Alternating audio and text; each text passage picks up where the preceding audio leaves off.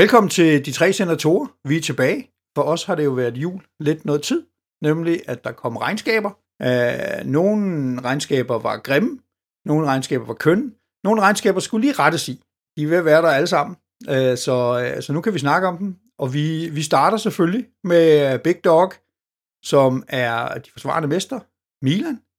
Hvis man har lyst til, og hvis man tænker, Åh, hvad er baggrunden for Milan, og hvorfor giver de mig ikke noget enormt substantiel information, så har vi faktisk lavet et deep dive, en af vores første udsendelser, med, med, med Brian.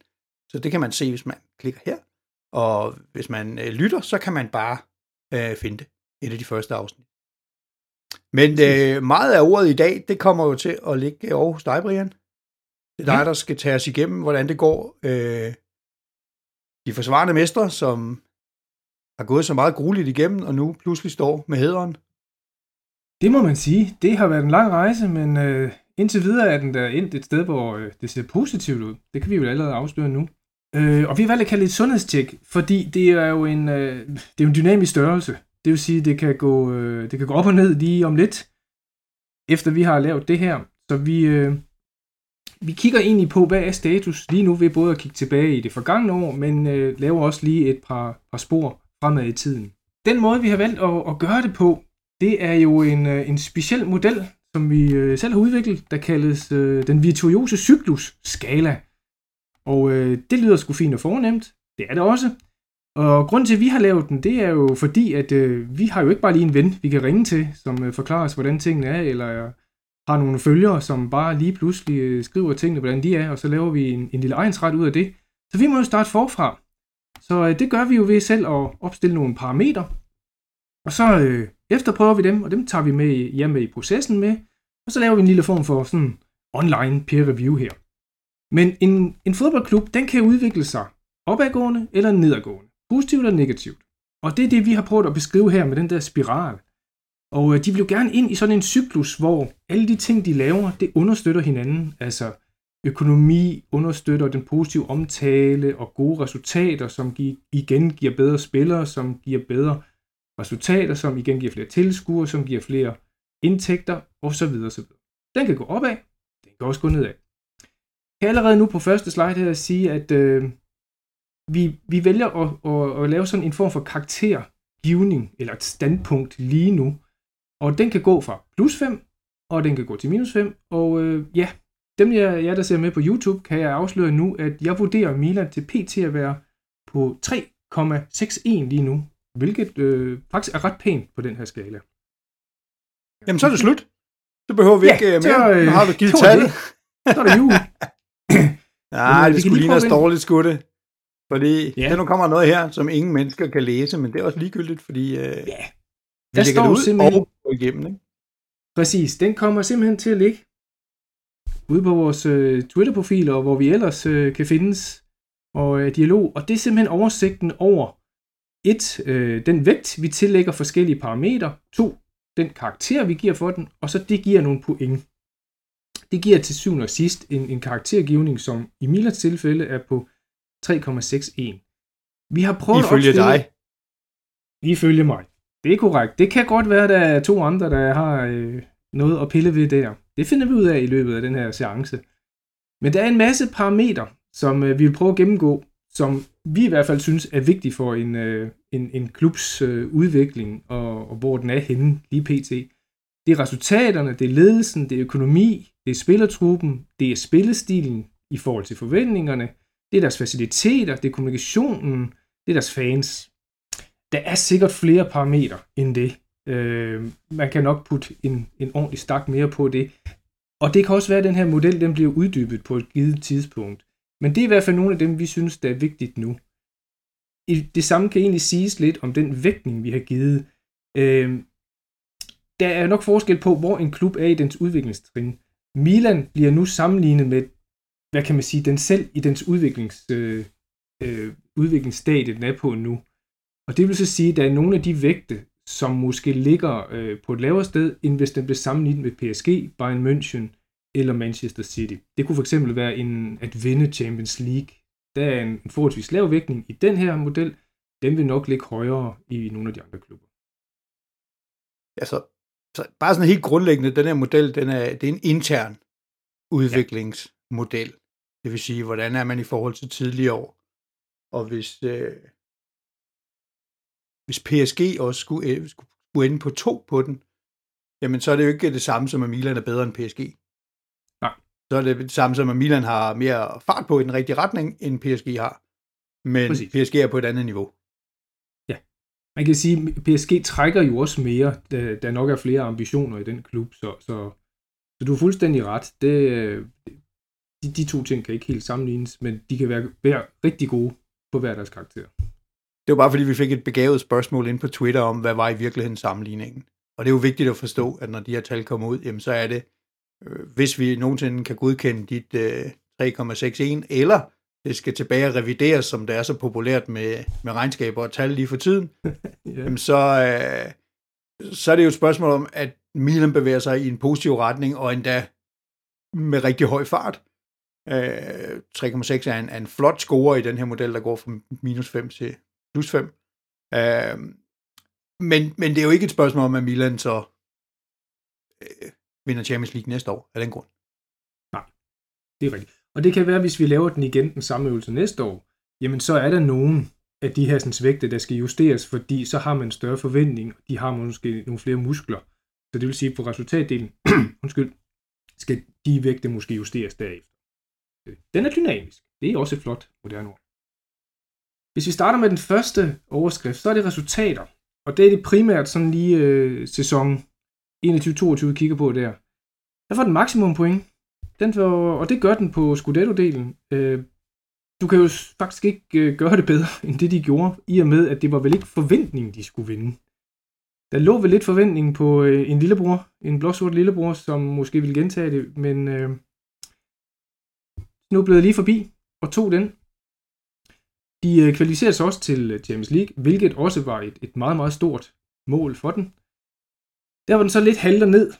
Det er jo så, at øh, de gik jo ikke videre på Champions League. Og det er jo måske ingen skam at ikke gå videre, men jeg synes, den måde, det skete på, og de nederlag, som Milan øh, hvad det, løb ind i, var til dels lidt selvforskydte. Jeg, jeg, jeg synes simpelthen, Milan spillede elendigt i Champions League der. Derfor får de minus point der. Og de vandt selvfølgelig ikke Champions League, så det er 0 der. Til de øh, seere og lyttere, der ikke har været med i dine beregninger, hvordan kommer du frem til minus 8? Altså, hvad er det vægt, og er det, bare et tal, der er grebet ud af luften? Nej, altså vægten er... Jeg skal lige selv finde den her. Så vægten er, vægten er 8, men jeg har givet den karakteren minus 1. Okay, Så, så det synes jeg, det, det er jo for nedadgående. Jeg synes øh, ikke, det har været en positiv udvikling øh, i den sammenhæng der. Det er så for Milans vedkommende, og det er jo der, der er forskel på klubber, heller ikke en katastrofe, de ikke gik videre. Men det er heller ikke noget, der har hjulpet klubben videre i den her sammenhæng. Nej. Jeg, jeg synes egentlig ikke, Milan nødvendigvis tabte til bedre hold. Jeg synes lidt, Milan tabte til sig selv i den her proces. Det er en subjektiv fornemmelse, jeg sidder med, men jeg synes, kampen mod Atletico Madrid var lidt pinlig. Jeg synes, kampene mod Porto heller ikke var gode. Mod Liverpool havde man ikke en chance. Det, det, det må man så bare acceptere. Men, men mod de to andre hold, synes jeg ikke, at Milan præsterer det, som jeg havde forventet. nej. Og så kan man Så se, så ligger de- i, det er jo en af de steder, hvor din model er, kan diskuteres eller arbejdes med, men havde de vundet Champions League, så havde de fået fuld skrue og fået 25 point. Øh, der er måske andre, der vil værdsætte en Champions League-titel lidt højere, men altså, det er jo derfor, det er subjektivt, og det er derfor, vi lægger dem ud, og det er derfor, at øh, folk kan diskutere dem. Ja. Når jeg har lavet øh, den vægtning, der ligger her, så har jeg også kigget på, hvad er klubbens egne målsætning. Og, og der kan man sige, Milan har jo ikke pt. en målsætning om at vinde Champions League. De har jo en målsætning om helt klart at kvalificere sig til Champions League. Og så begyndte der jo også at være sådan omkring årsskiftet sidste år, en målsætning om at vinde Scudetto. Så det er også derfor, jeg, tænker, jeg, jeg prøver at holde dem lidt op på, hvad de selv stiller op af, af forventninger til det. Jeg kan se, at du øh, i din resultatoversigt helt har ignoreret øh, den gloværdige Coppa Italia-turnering. Ja, yeah. det har jeg. Og det, jeg, jeg, jeg, den tillægger jeg ikke sådan pokkers betydning, fordi at den giver ikke rigtig noget videre. Den giver ikke rigtig noget økonomisk. Den giver heller ikke adgang til noget andet sportsligt i den forstand. Jeg kan ikke rigtig tillade mig at sige det, men jeg synes, den er lidt overflødig efterhånden. Sådan. Altså, hvem kan ikke bruge sådan 8 millioner euro i de her tider? Jeg synes, Ja, det er og en pokal. og en pokal også. Og så især vinde mod Juventus. Altså, Den kommer ind næste gang. Med, med kæmpe mange point for at være i finalen, og det betyder ikke noget, hvem der vinder. Betyder det, at han er en fan i en kommentatorboks også? ja, ja. Det er helt afgørende. Det er helt og afgørende. man skal spille en Supercup lige her om lidt i øh, et eller andet sted, Saudi-Arabien eller sådan noget. Ja. Ja, og der, der har jeg det også med, de, de, de, de der lidt plastikturneringer, jeg vil kalde dem, dem har jeg sgu sådan, altså det vil altid være godt at vinde over Inter. Men, ah, jeg har det, jeg har det lidt svært ved det. Det må jeg indrømme. Det er allerede 18. januar i uh, Riyadh, at der er Supercup mellem uh, jer to. Det er jo, det, og det ved man jo bliver top underholdning, det er jo slet ikke det, men øh, to Jamen, for bedste fanden hold. skal det spilles i Riyadh? Altså, det kan... Det, det ikke for at åbne den æske igen, men altså, for helvede. Det er et spørgsmål om røve. Ja, men, men hvad får de for det? Altså, hvad får de, Thomas? 2-3 millioner euro i, øh, i forbundet? Imellem 3 og 5 millioner euro, tror de, er, de får. Gammel så, mand. Altså? Sælger deres sjæl til et eller andet passionsløst pisstadion i Riyadh. Den skal spilles i Rom, sådan er det. Det kan være, at vi har købt nogle fans, og så klæder dem ud i Milan og indre dragter og alt muligt. Ja. Det bliver godt. Det kunne være en idé. Vi ser, det kan lykkes jo. Det, er, Nå, det, det, er var, en nyskabende det, var idé. den, det var den sportslige resultat. Det går videre til næste parameter. Det er, det er ledelsen. Og øh, der kan jeg lige så godt erklære, at jeg er rimelig fanboy af Elliot Group som sådan. De får 60, 60 point ud af 60 mulige. Jeg kan ikke lige på stående fod komme i tanke om et mere succesfuldt ejerskab end lille. Det skulle måske lige, hvis, hvis Glazers får solgt Manchester United for den pris, de har, de har sat dem til, så kan man også godt begynde at kigge det. Men hvis vi bare lige skal prøve at rise op, hvorfor det er, det, det, det, det er 60 point. Altså, de har, de, de har solgt klubben for, med et proveny på øh, cirka 490 millioner euro. De har haft den siden 2018, så det er en rimelig god en. De har endda til den nye ejer, øh, Cardinale der ikke, ydet et sælgerlån på 7% øh, på, på, på 600 millioner, og de er inde i klubben stadigvæk. Og det er foregået helt glidningsfrit, altså helt nærmest som en stor familie. De har afvist en, en øh, arabisk køber, altså Investcorp, for at kunne blive ved med at udvikle den her, og de har fundet en god ejer i Redbird og Cardinal, som jo kan tage den det næste skridt rent kommercielt op. Så jeg sidder også med en fornemmelse som fan her, at tænker, de tænker faktisk på klubbens ved og vel i, at den skal udvikle sig og stå på egne ben. Det er vel også det, man skal... Altså, jeg er enig i, at Elliot har lavet en god forretning, men man kan godt lave en god forretning, og så efterlade en ruin håb bag sig, ikke? Altså, Fuldstændig. Der, der, en, en ejer skal vel i den her type vurderes på, hvor gode er de for klubben. Helt sikkert. Øh, Og der kan man jo sige, at i den her sammenhæng, der tager de jo ikke bare the money and run. Altså, de, de sørger for at, at bygge videre på den til næste skridt. Og det, det tror de så meget på, at de stadigvæk er i klubbens ejerkreds. Det, det tager jeg hatten af for. Det synes jeg er, er ret, ret bemærkelsesværdigt. Næste, næste led, det er, det er præsidenten og øh, CEO'en, og det er jo øh, Paolo Scaroni, og det er jo Ivan Gassidis. Og hvordan vurderer man, om de har gjort det godt eller dårligt? Ja, den er sgu svært. Vi sidder jo ikke med i bestyrelseslokalerne. Det burde vi helt klart gøre. Men, men, men det gør vi jo ikke. Men det, jeg sådan har vurderet tilbage på, og jeg har jo prøvet at sidde og kigge lidt i Thomas' yndlingsavis, Gazzetto eller Sport, og nogen af de sige, hvad har der været af udtalelser? Har der været skandaler? Har der været noget øh, polemik eller bøvl eller et eller andet? Og det er jo, det er jo en stor harmoni næsten, ikke? Øh, i, i, i Milan-kredsen, ikke? Og jeg synes, når, når Garoni udtaler sig, og det er jo specielt med stadion, men det er jo også på andre, så synes jeg, han gør det meget elegant, han gør det meget diplomatisk, han gør det meget værdigt. Det er nok også derfor, han blev hentet ind på det tidspunkt. Så jeg synes, han er en, han er en nikkedukke, det må man sige, men han er en ekstremt god repræsentant for Milan. Det samme kan man også sige om Ivan Gassidis. Han har jo været øh, kræftsyg i, i sidste år, men, men alligevel kører klubben jo godt videre, og han har jo formået at sætte et hold. Det har jo været ham, der har kørt den nye organisation op på Milan, og kørt det videre. Han har jo så også øh, steppet down nu, øh, og overladt det til Giorgi, hvad det nu han hedder, Fiorini? Nej, Filani. Og igen, det foregår i helt ro orden. Altså, det går jo glidningsløst, den her sådan, overgang fra en til en anden. Det betyder intern ro, og det er altid godt i sådan en organisation.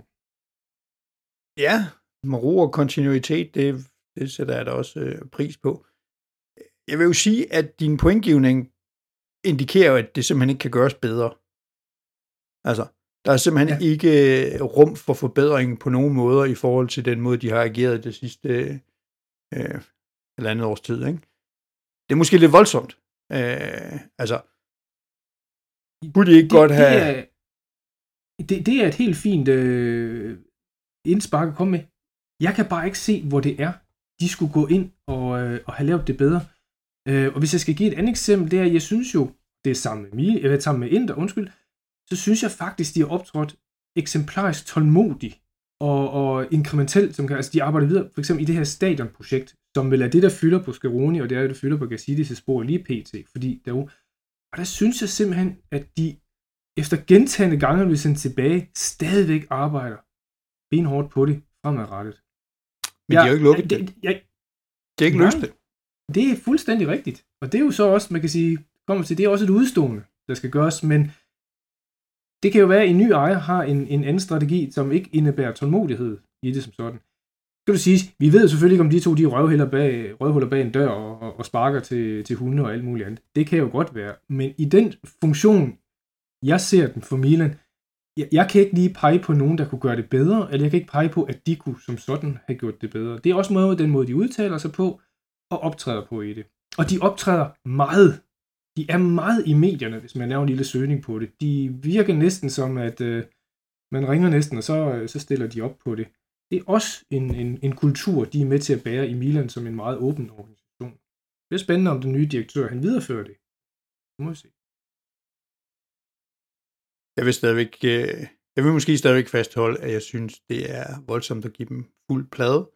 Øh, de kunne have fikset et stadion. De kunne have øh, skabt et, øh, en ledelse, der havde ført Milan til større præstationer i Champions League. De kunne have øget de kommercielle indtægter, øh, eller i hvert fald fundet nogen, der var bedre til det, end dem de har, og så videre. Altså, øh, der vil, jeg synes, det er mm. voldsomt at sige, at der ikke er, kan Men, simpelthen ikke flyttes et komma på de her herrer. Men lad os endelig komme videre, fordi det kan vi diskutere til hudløshed, og vi kan også bare lægge det ud til nogle andre. Der er pointe. Men der tænker jeg så, at vi skal lige niveauet nedad, fordi så kommer vi til den sportslige ledelse. De får 48 point ud af 60 mulige. Og der synes jeg, at der kan være lidt rum til forbedring. Øh, de er rigtig gode til at scoute, og de har også gjort det rigtig godt. Det indikerer pointgivningen jo også. Men de rammer også lidt forbi, forbi nogle gange. De tager nogle sats på nogle spillere, som, ja, skulle man have valgt dem, skulle man ikke have valgt dem. Og øh, det samme nede ved øh, den kommercielle ledelse, det er jo så vores, øh, vores kære Stylsvig. Han får også 48 point, eller det gør han og hans afdeling team ud af de 60 mulige. Og der sidder jeg sådan lidt og tænker på, jamen, ja, de gør det godt, men de er jo stadigvæk langt fra Inter, og de er jo langt fra Juventus og andre sammenlignende klubber. Og det er muligt, det er et spørgsmål, der skal lige øh, rulles en bold i gang. Øh, vi kommer lidt senere ind på det. Og så øh, bliver det sådan en, en virtuos cyklus, hvor det er nemmere at, at få adgang til nogle af de, øh, de, de store sponsorer og gøre noget der på det. Men der er i hvert fald et udviklingspotentiale ved de to ledelser. Herunder også en sportslig ledelse med måske at få, få nogle, nogle spillere ind, som er måske lidt mere klar til, til førsteholdsfodbold på Serie A, end, end nogen, der er måske knap så gode på et, en reservebænk. Så der er nogle forbedringspotentiale. Og nu er, hele konceptet jo, nu er hele konceptet jo, at vi sammenligner øh, Milan med Milan. Altså, øh, øh, flytter de sig i den rigtige retning og så videre, for du har jo fuldstændig ret i, de kommercielle forretninger er stadigvæk forsvindende små, øh, og, og bør vel løftes øh, gevaldigt. Øh, og jeg, ja, jeg har, jeg har en lille bitte smule sådan øh, Kasper Julemand fornemmelse over, altså at det er alle sammen nogle flinke, rare mennesker, der siger alle de rigtige ting, ikke? Men, mm. men de skal jo også vise nogle resultater, så øh, det kan være, de får et, øh, det kan være, de får et pas den her gang, men næste gang, så skal de jo stadigvæk, så skal de komme betydeligt længere i Champions League, og øh, ikke ryge ud til Tottenham, og måske genvinde mesterskabet og sådan noget, for, for at man kan opretholde så høje karakterer i min bog. Enig. Det bærer nok også lidt præg af, at Milan er foran deres egen plan. De har jo ikke en officiel plan som sådan, men, men alt hvad jeg kan sådan læse og fornemme og vurdere mig frem til, det er, at Milan har ikke regnet med at vinde mesterskab nu, men måske først om et-to år herfra, hvor de havde et mere slagkraft. Så de har måske overperformet på en eller anden måde. Nu snakker du om resultater. Jamen lad os da se næste slide. Så kan vi jo se økonomien, som den har udviklet sig på resultatbasis øh, de sidste fem år. Og øh, den indikerer i hvert fald, at underskuddet går klart nedad. Og øh, det seneste underskud, der kom frem, det er jo så minus 66 millioner. Det er jo også flot i den sammenhæng der, ikke? Og øh, må man jo ikke sammenligne med andre klubber, når man sammenligner med sig selv, men øh, specielt der er den jo i hvert fald flot, ikke? Det er det. Men vi skal hurtigt videre til næste, for der er ikke nogen øh, karakter. Ja, altså, på det. det, det, det er jo også lidt, øh, hvis du hvis du øh, fremlagde det her i øh, et andet bestyrelseslokale for et almindeligt firma, så vil folk sige, mm, altså, luk lortet. Altså, vi bliver ved med at lave kæmpe underskud. Hvad foregår der? Øh, men, men, men det er sådan, at fodboldøkonomi. Fodboldøkonomi, eller fodboldklub, ligger jo i den der gråzone mellem civilsamfund og, og den, øh, det, det, det kommercielle samfund. Ikke? Altså, den henter jo sin legitimitet fra en forening, hvor vi støtter op, uanset hvad, med kærlighed. Men den er jo også et eller andet sted rodfæstet i det ikke kommercielle, men, men det forretningsmæssige og det civile samfund. Altså. Og det er, jo, det, er jo, det er jo der, de to mødes, og det er jo derfor, det er sjovt at snakke om, for du har fuldstændig ret. Havde det været Nestlé, eller Nike, eller Toyota, luk det lort. Twitter fortsætter dog alligevel, selvom det heller ikke ser godt ud, ikke? Men, uh... er jo ikke helt med samme bemanding. Nej.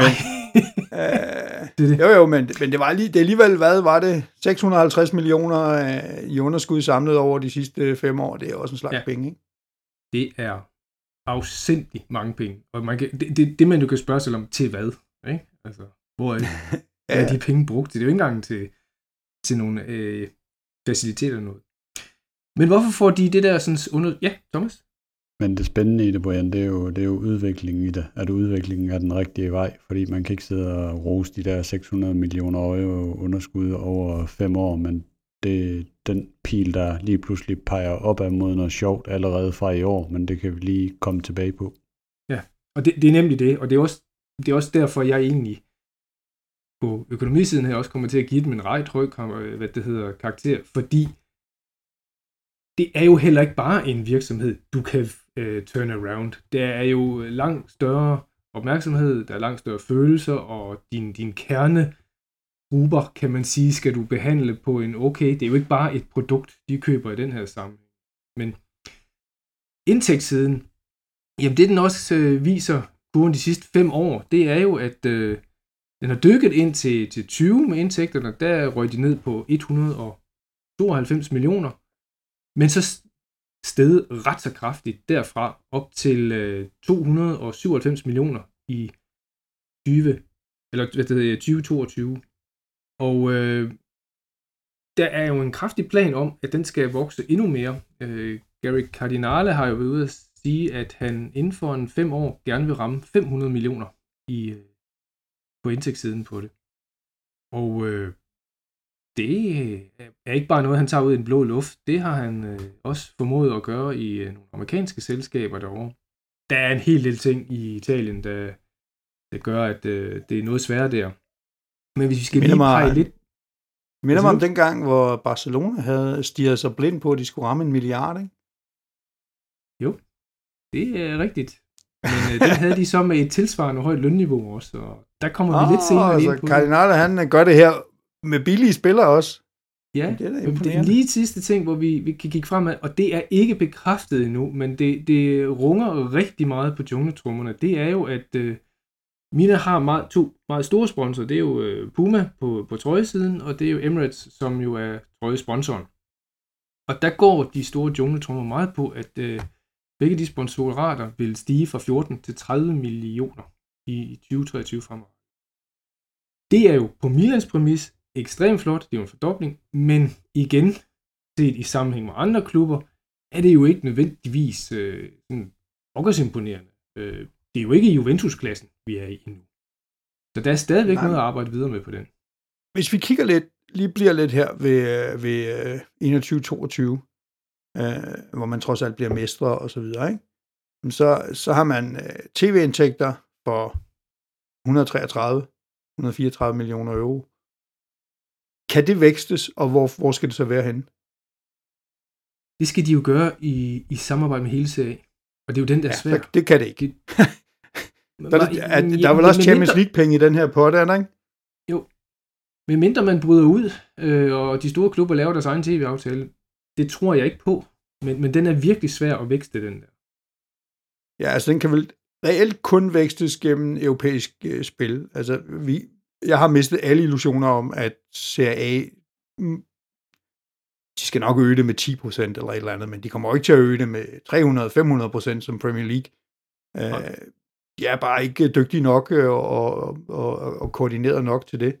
Så den der, den, den bliver lidt, jo, hvis I klarer jer bedre i Champions League, så stiger den, ikke?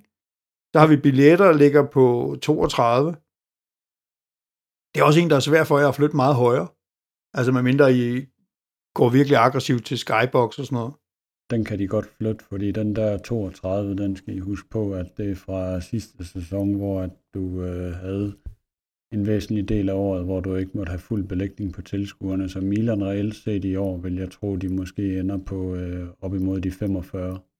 Jamen det jeg sagde, det var, at Milan i et normalt år, i år 22-23, så vil de nok ligge op omkring de 45, fordi de har hele sæsonen, hvor der er tilskuere på, øh, på øh, igennem, igennem hele sæsonen, modsat det der corona-år, man havde øh, lidt sidste år, hvor at du kun måtte ligge med halv, halv øh, eller 50 procent tilskuere i en periode. Men når jeg kigger tilbage på tidligere 17 og 18, okay, der var så heller ikke så mange mennesker på stadion. Så det du siger, den her, den kan måske godt flyttes op til 60 eller sådan noget, ikke? hvis du virkelig har fuld hammer på alting. Altså Milan, de er gået videre i øh, gruppespillet i Champions League, så der har de allerede øh, op imod 20 millioner euro ekstra. Og så hvis de har øh, 15 mere på stadion i år, øh, best case, så er det, så er det 35. Øh, og det, så har de for eksempel en, øh, en trup, de har justeret ned. Den kommer nok på den næste slide på igen, men den har I justeret ned også med 20. Så det er allerede 50 millioner euro. Milan de er bedre i, i den her sæson, øh, ja, i, sådan i grove i, tal. I slutregnskab og sådan noget, ikke? Men, men prøv at, holde, prøv at følge mig i den her, fordi det, jeg synes er interessant, det er i virkeligheden, hvor kan en klub som Milan øge sin indtægt? Uh, og nu har vi et helt konkret eksempel her. Det er svært på tv-aftalerne, medmindre du kommer langt i Champions League. Øh, så øger du den automatisk lidt. Det er svært på stadion, udover den her grænse, måske på 50 millioner eller noget af den stil, som er et fuldt stadion hver eneste måned. Så kan man lave et nyt stadion. Det er en anden snak. Og det er også derfor, at, at vi snakker så meget om den. Så er der spillersalg. Jamen spillersalg kan du ikke lave ret meget på, men altså, det er jo pisse i bukserne. På et eller andet tidspunkt, så, øh, så, så sælger du alle dine stjerner. Øh, og så har du de to, som i virkeligheden er dem, du kan skrue på, hvis du kigger på det her udefra. Det er sponsorerne. Brian har lige nævnt, jamen, man kan flytte, øh, man kan flytte øh, Puma og Emirates fra 14 til 30. Og så er det de kommercielle aktiviteter, som er, jeg kan næsten ikke læse det, så Gud forbyde dem, der skal se det på en mindre skærm, men hvad siger vi, 25-26 stykker. Det er svært at se den ramme 200 millioner, ikke? Ja, det kan jeg godt følge dig i, men, men øh, de er jo sådan lidt kreative på det. Øh, nu lagde jeg selv først mærke til noget af det. Det var jo, at øh, Milan spillede en træningskamp i går. Og normalt så sådan nogle, de er åbne. Så går du ind og kigge på deres øh, app, eller du kan ind og kigge på deres YouTube-kanal eller andet. Det koster 25 kroner nu. Og jeg tænker, mange af sådan nogle bitte små ting, som man før tog givet, det begynder de nok at kommercialisere, og begynder at finde på flere ting, som, som fan køber. Hvor meget det kan give, det er svært at sige det, det kan jeg ikke sige. Det, om, det, det, rykker jo ikke, det rykker jo ikke 10 millioner eller 50 millioner i den forstand.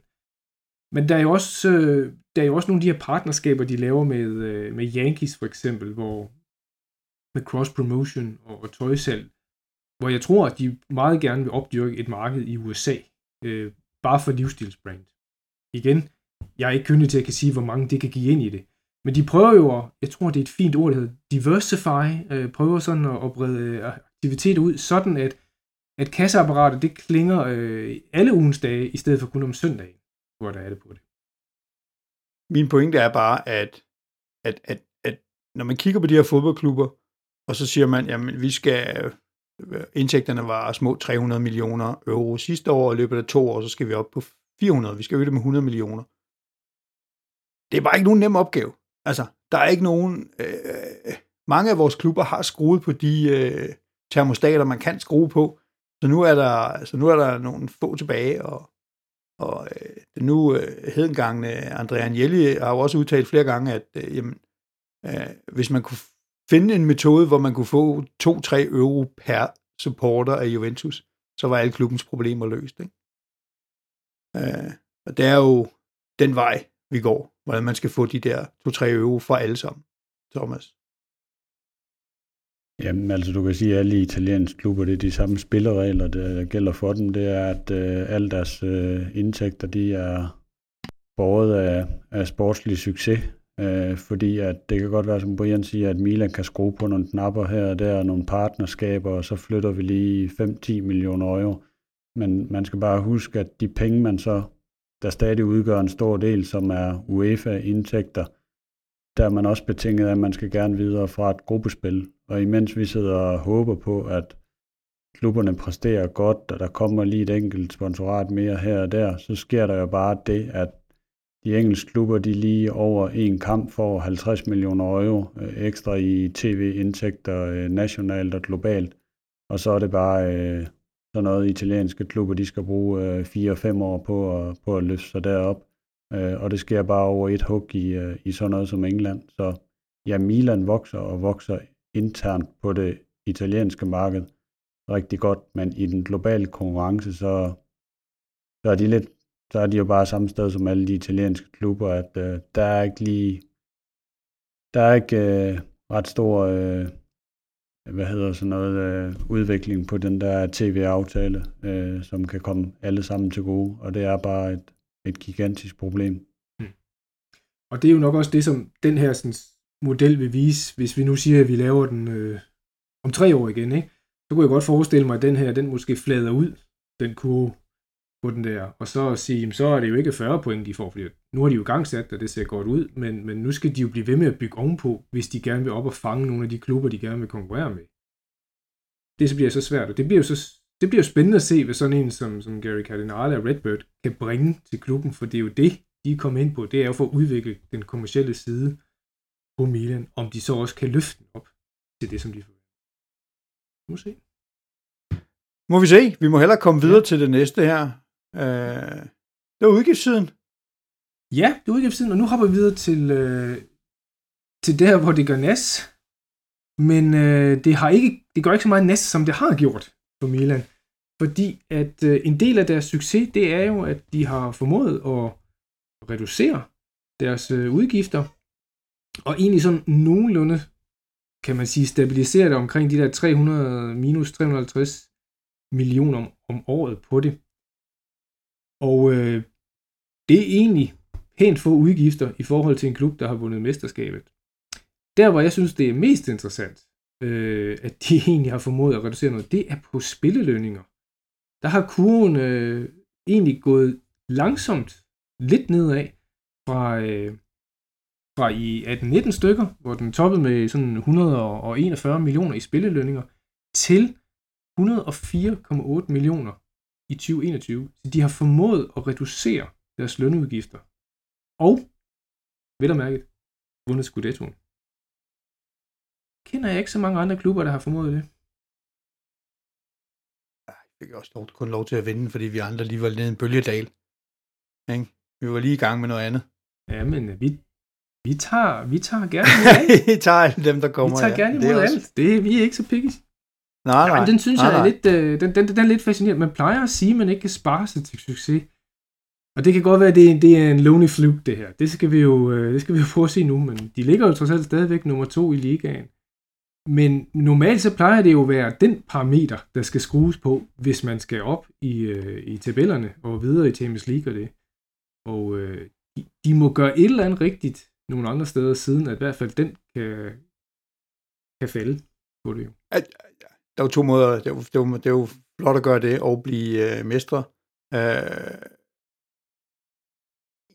der er også en anden forklaring, måske at de andre hold i Italien reelt var er nede i en bølgedal, altså ikke bare for sjov, men, men også altså at øh, der er for langt op til de andre europæiske hold.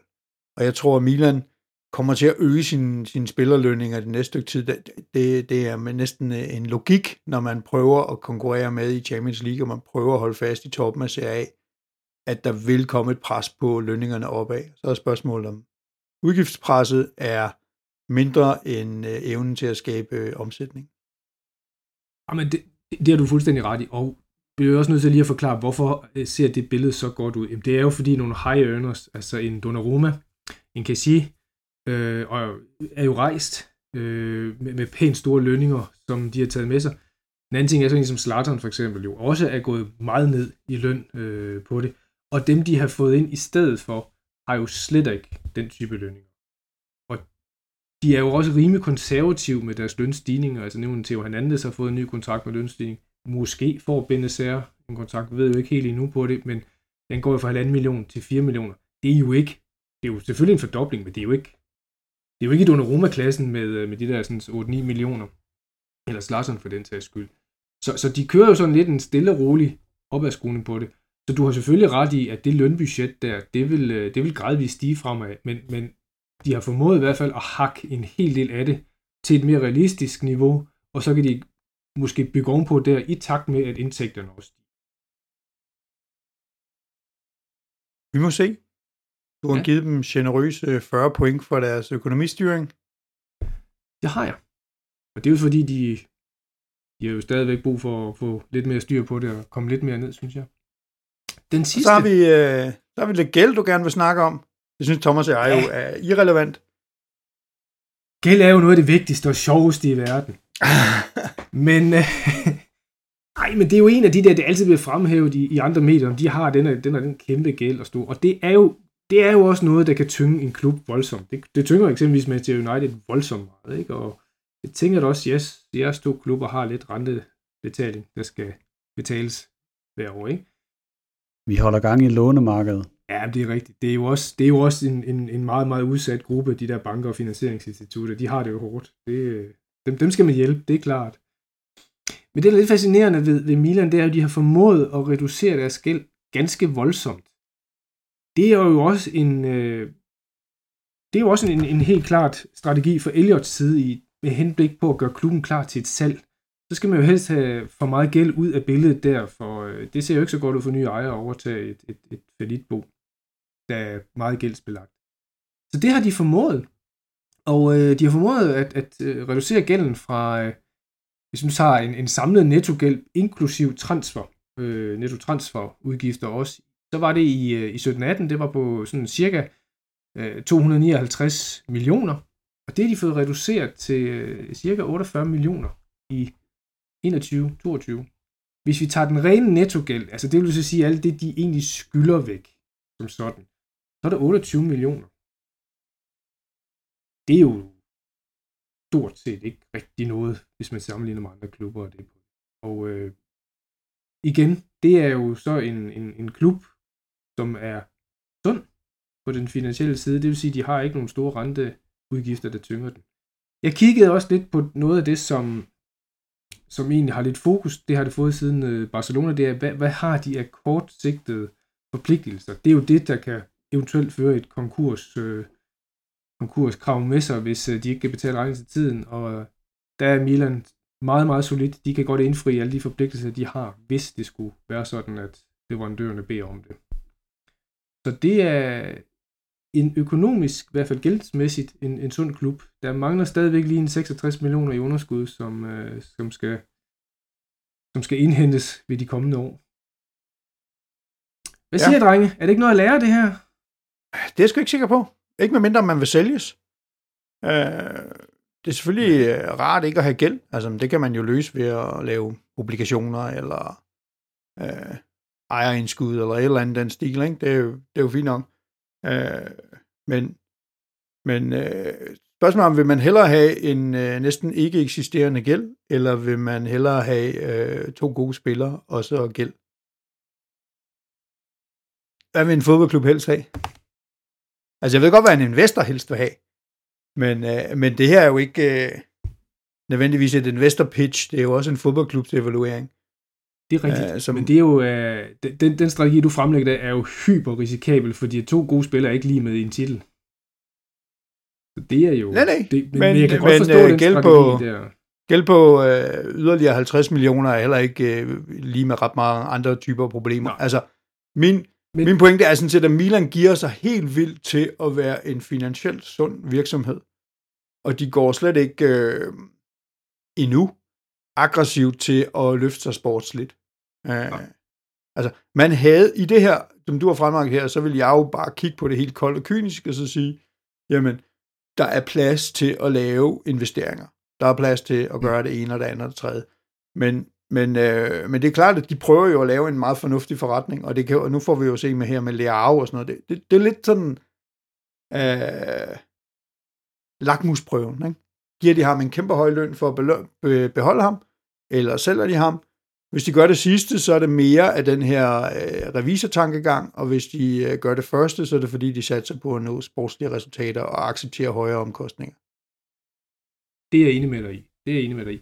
Plus, det kommer igen an på, hvor er de i deres udviklingstrin. Fordi jeg kan jo sagtens se, hvis, hvis nu Juventus for 5-6 år siden, ved ikke, kan sige, vi, vi, nu har vi vundet fem års streg, nu vil vi det næste level, og det bliver vi nødt til at investere for at gøre jamen så vil det jo være, så vil jeg også sige, at det vil passe i deres øh, virtuose cyklus, og måske optage en gæld på 50 millioner for at købe en superstjerne, der måske kan vinde Champions League. Det er Milan ikke pt. Det kan være, at de er der om tre år. At de er på det stadie. Nu har de øh, nået semifinalen, måske i, øh, i Champions League, og de har været der mester en gang, og de har måske tabt til Napoli og alt det. Nu, de, skal, de skal skridte videre op, og det kan de måske kun ved at, at, at uh, lave en låneoptagning på den der men jeg deler også din analyse af, at det her det har jo været en klub, der er givet til, til salg at være øh, hvad skal man sige, økonomisk bæredygtig på egne fødder.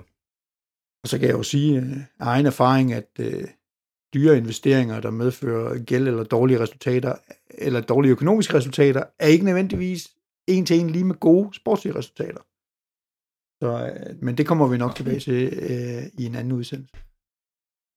Havde du en kommentar, Thomas? Nej, men det var mest i forhold til det der, øh, jeg, vil, jeg vil sgu gerne være fri for de der, det der grimme beløb ind, de for eksempel betaler i renter, hvor Milan stort set ikke betaler noget, så, øh, men, men ja, hvis en fan, og hvis du står og vælger, så vil jeg jo hellere have en klub, hvor du øh, er i England, og du er sikker på, at du har en øh, høj omsætning hver år, der ikke er så borget af, at man skal også præstere sportsligt hele tiden. Øh, og så om der lige står det ene eller andet på gæld, det hvis du hvis du tjener penge og har en, øh, har en sund øh, eller en, en høj garanteret toplinje hele tiden, det tror jeg faktisk de fleste øh, de vælger. Hmm. Ja. Yeah. Vi, øh, vi slipper økonomien, og så hopper vi videre til øh, overskriften spillertrup. Hvad den første af dem, det er, hvordan er kvaliteten af spillertruppen? Og øh, der har jeg givet den 24 point af 40. Og det er fordi, jeg synes, det er en god spillertrup, men jeg synes heller ikke, det er sådan en, man kigger ned og siger, wow, øh, det, er en, det er en trup, der vokser. Det er en trup, som øh, egentlig performer rigtig godt og, øh, og udvikler sig i den retning, man kan forvente af den. Men det er også en trup, som øh, jo ikke er sammenlignelig med, med, med ja, de store klubber rundt omkring i Europa. Da, hvis, hvis Milan skal vokse opad i, øh, i Europa, måske også fastholde den position i øh, top 3, top 4 i Italien, så, så skal den udvikles, og det er med, det er med kvalitet i den der. Hvad er så kvalitet? Jamen, vi kan jo bare tage højre siden i, øh, i, i Milan, ikke? Og det, den, den er jo... Ja, jeg har ikke lige ordet for det. Junior Messias?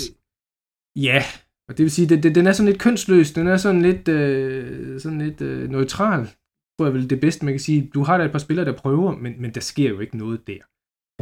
De men det her er jo også, øh, bare for at blive vores helt øh, vilde nørdede spor, altså, det her er jo den del, hvor du godt kunne købe dig til at komme fra 24 til 30 eller 35, men så ville det koste over på den anden del, som vi lige har gennemgået, så må at man stort set er gældfri, og man måske nærmer sig break-even, ikke?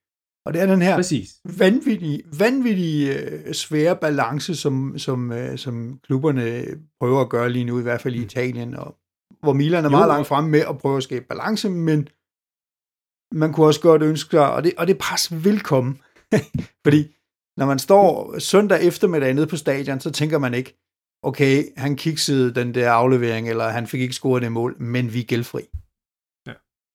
Og den er der jo Så tænker man, allerede. kraft, det med at have nogen, der kan spille fodbold. Ja, og du, du har fuldstændig ret, fordi du kan også tage den kurve, der hedder, at de har formået at reducere deres, deres lønbudget, ikke? Fordi at en af de spillere, som er blevet rygtet til Milan, jeg tror så ikke, han kommer til, det er jo øh, Chelsea's øh, Siak, ham der skal spille øh, i aften øh, for Morocco, ikke? Som jo på højre siden vil, vil være tydelig kvalitetsforbedring for Milan, men det er jo et helt andet lønniveau, han kommer ind i. Så det vil jo selvfølgelig presse den, den økonomi, der er der. Og øh, det bliver jo spændende at se, hvordan, hvordan klubben fremadrettet vælger egentlig at, at, at Det satse. fandme være et Det- løft, altså. Det, det vil være et kæmpe løft, ikke? Altså, Sindssygt, mand. og så hvis man god. kunne beholde af på den anden side, så, så har du virkelig et potent angreb der, ikke? Men det kan også være, at han simpelthen er ude af, ude af reach for det der. Men, men det, det, det er nogle af de steder, hvor jeg synes, de, de kvalitetsmæssigt stadigvæk mangler og godt kan udvikle sig. Den anden, det er nedenunder, øh, det er sammensætning af truppen, og, og der mener jeg blandt andet noget med, med, med alderssammensætning, jeg mener noget med erfaringssammensætning af det.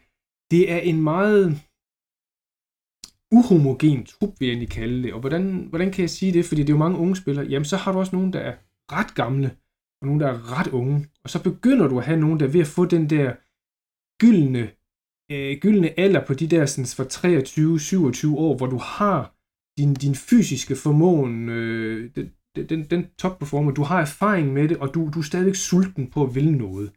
Ikke at sige, at en, der er 30 år, ikke kan vinde noget, eller ikke er sulten og det er på det, men vi kan jo bare se på Slater, hans krop holder ikke så godt med det mere.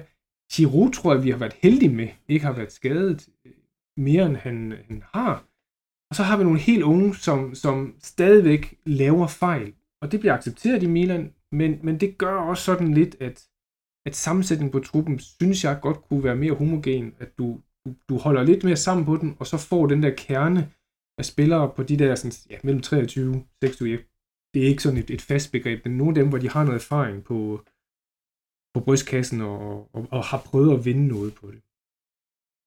Og det er også, altså, øh, jeg synes jo også, jeg synes måske endda, den er lidt lav, den der sammensætning, din på egen pointscore, fordi der er virkelig mange med potentiale, også mere end bare det der med, at jeg spiller nogle kampe på Primavera-hold, og så tror man, de er fantastiske. Men der er nogen, der har faktisk spillet CA-kamp og spiller rigtig godt, og så videre.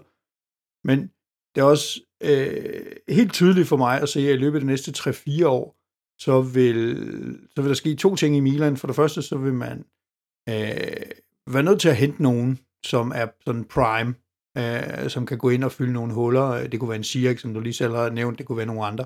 Det løfter øh, lønbudgettet. Og så vil man være nødt til at forlænge med nogle af de her, som begynder at ramme den rigtige alder. Ikke? Og, øh, og der er nogle af dem, der er på nogle ekstremt lave kontrakter, fordi Milan har været dygtige til at hente dem på et tidspunkt og så videre, men nu er de altså italienske mestre, nu står de i prime, der står andre hold og lukker, lukker guld og grøn skove, så nu skal man op og have de der 4-5 millioner netto, ikke? Så begynder den at koste. Og så laver man, øh, så tænker man, at de skal ikke stikke af, så laver man lange kontrakter med dem, og så lige pludselig, inden du sætter om, så sidder du med sådan et helt hold af quadradoer, ikke? Øh, og så har man bare lyst til at gå på druk. Og det er udfordringen. Det er jo for det der balance til at holde, holde sammen på det jo. Og øh, Præcis. de, de er jo et skæringspunkt lige nu, fordi nu har de jo været inde og bevist, de kan noget. Hvordan tager man så næste skridt ved at gøre det igen, eller prøve at, at komme længere op af i Europa? Og det ved vi jo, det koster. Det koster på De har også bevist, at de har ryggrad, altså med Kessi og med øh, Donnarumma. Øh, stortalentet Romagnoli, måske lidt mindre ham, men, men altså man har tilladt at lade nogle spillere gå, fordi man sagde, på at høre, vi, vi vil og kan ikke betale dig den løn, som du kan få andre steder. Thomas? Jamen, jeg tror også, man er rimelig afhængig af, at man rammer rigtigt på pladen, når man skal ud og erstatte nogle af dem der, som enten bliver solgt. Hvis Leao han bliver solgt, så er man selvfølgelig afhængig af, at man finder noget, der også går ind og præsterer med det samme, fordi det er måske meget båret an på de der tre spillere, der skal performe hele tiden. Øh, Theo, Leao og så, øh, hvad hedder han, Tonali eller, eller Benacer. Og hvad er chancen for, at man lige øh, rammer en Kalily Benacer til lave omkostninger igen, og hele tiden over år kan blive ved med at lave dem der. Dem kan du godt ramme en-to år, men det er ikke en strategi, du kan vokse på europæisk, hvis du, øh, hvis du vil gøre det der over 4-5 år. Så på et tidspunkt er man jo nødt til at hæve, hæve overliggeren for det hele. Og som Ulla kan sige, så ved man godt, når man hæver overliggeren, så er der masser, der kigger op mod den der overligger, og så siger de, jamen jeg skal også derop. Øh, jeg kan også huske, der er en, der de løb rundt med Lautaro og Skriniar, øh, og Barella er de typer der, hvor de lå imellem halvanden, to og en halv millioner euro netto. Og lige pludselig kom den første forlængelse, og så stod de der andre bare lige med det samme, fordi der var en europæisk klub, der, der lukkede, og så var vi oppe i fem med det samme. Så, øh, så det bliver spændende at følge det der. Og der kan man jo vælge, øh, der kan man vælge flere spor. Man kan vælge Atalanta-sporet, som er at sige, jamen prøv at vi sælger dig. Inden du overhovedet kommer og beder om så høj en løn, så bliver du solgt. Og så prøver vi at skaffe nogen fra vores eget fremragende akademi, eller købe nogle unge talenter, og sådan noget, som Atalanta har været fremragende til. Eller også så kan man sige, øh, så kan man vælge Juventus-sporet, som er at sige, ja, vi forlænger med, at du får en fantastisk høj løn, øh, og næste gang så bliver den endnu højere, og næste gang bliver den endnu højere igen, og så sidder du som 35-årig og laver øh, Sandro-penge, ikke? Øh, så, så det er, og det, det lyder fornuftigt at lave Atalanta-modellen, men det efterlader jo en på Atalantas niveau. Så det er derfor, det er nogle af de her ting, som er enormt svære, når man, når man skal drive en fodboldklub og finde den der balance, hvor man ikke, hvor man ikke ender i Juventus, og man heller ikke øh, ender som Atalanta. Når, når man læser Milans strategier, de udtalelser om strategiske udtalelser, de giver, så, så, øh, så forlyder det, at de vil jo hæve deres indtægter, og derefter spiller to. At det er den rækkefølge, det skal gå. Hvordan det lige kommer i praksis, det er sgu altid svært at gøre det, fordi det er ikke altid, man aligner kontraktforhandlinger med, med en sponsorkontrakt og sådan noget. Men, men, men det lyder i hvert fald sådan til, at, at de vil jo gerne hæve niveauet begge tid, men det er indtægterne skal ind Må se, hvor gode de det, er.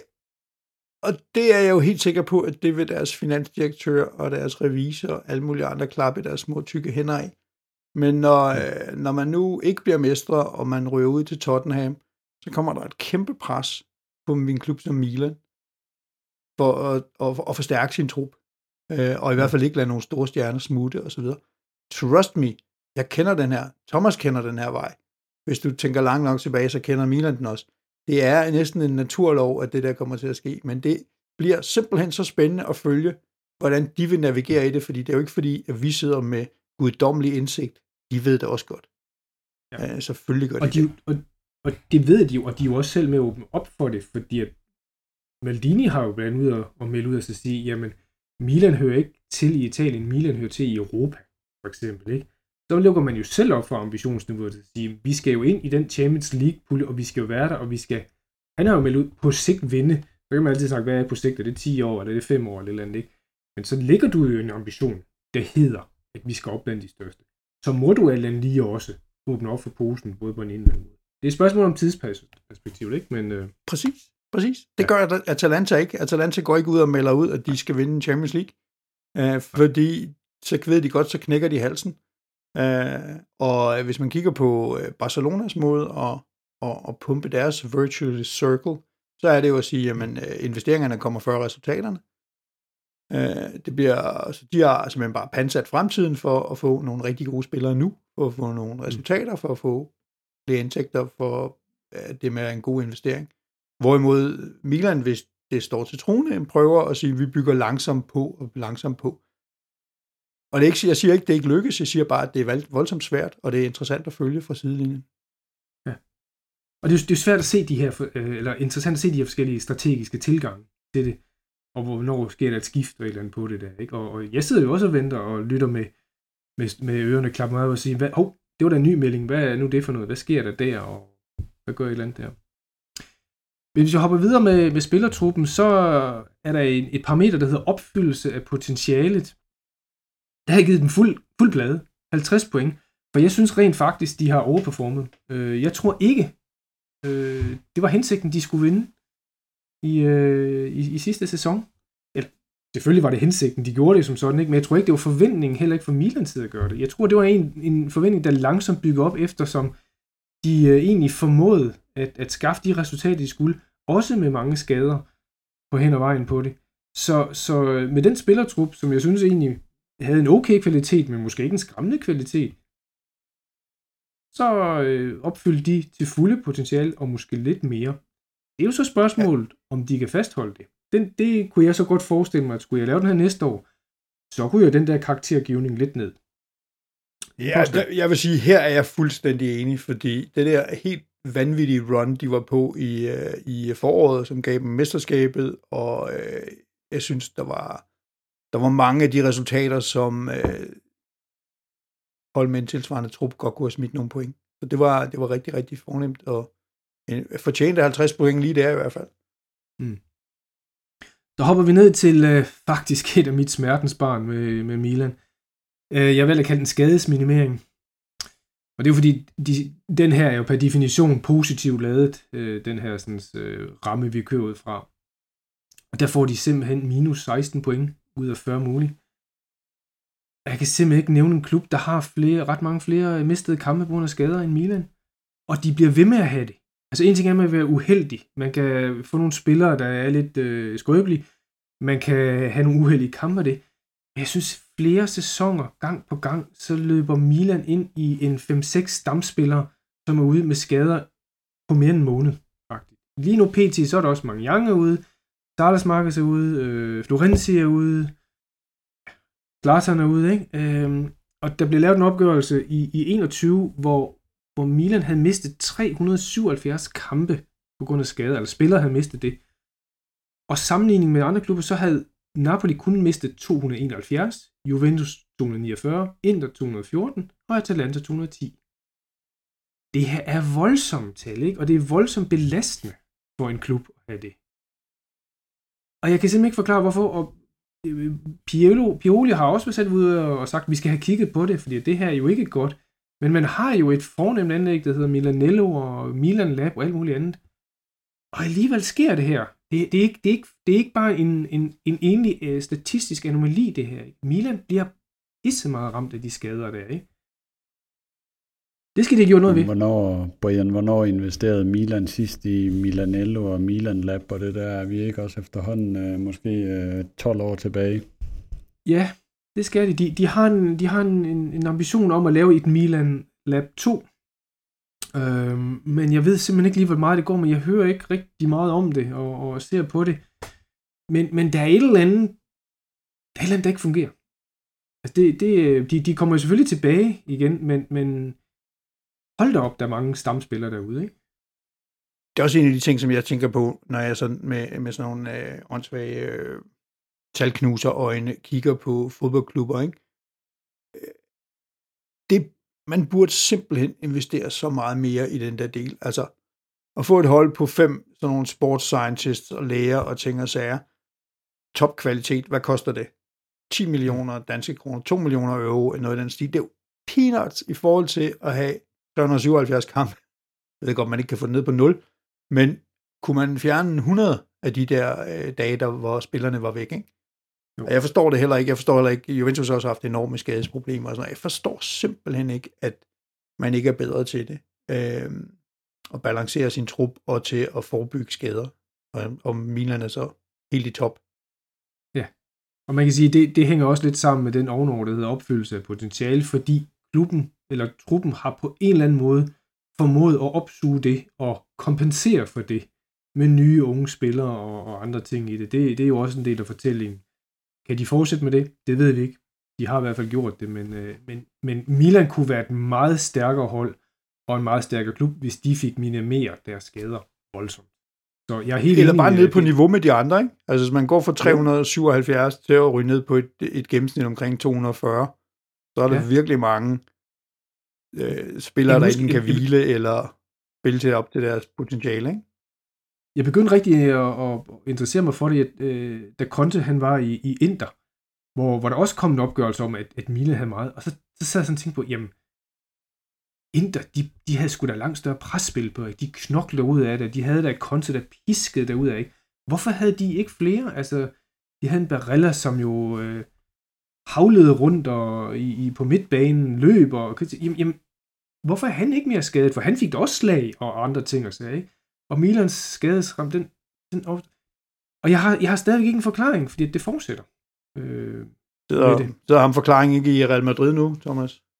Han hedder Pintus, og han sidder over i Real Madrid, og de kunne åbenbart betale ham løn også. Øh, så, øh, på det jo, tidspunkt. Men vi er enige om, at Pinto han får ikke 10 millioner euro om året, vel?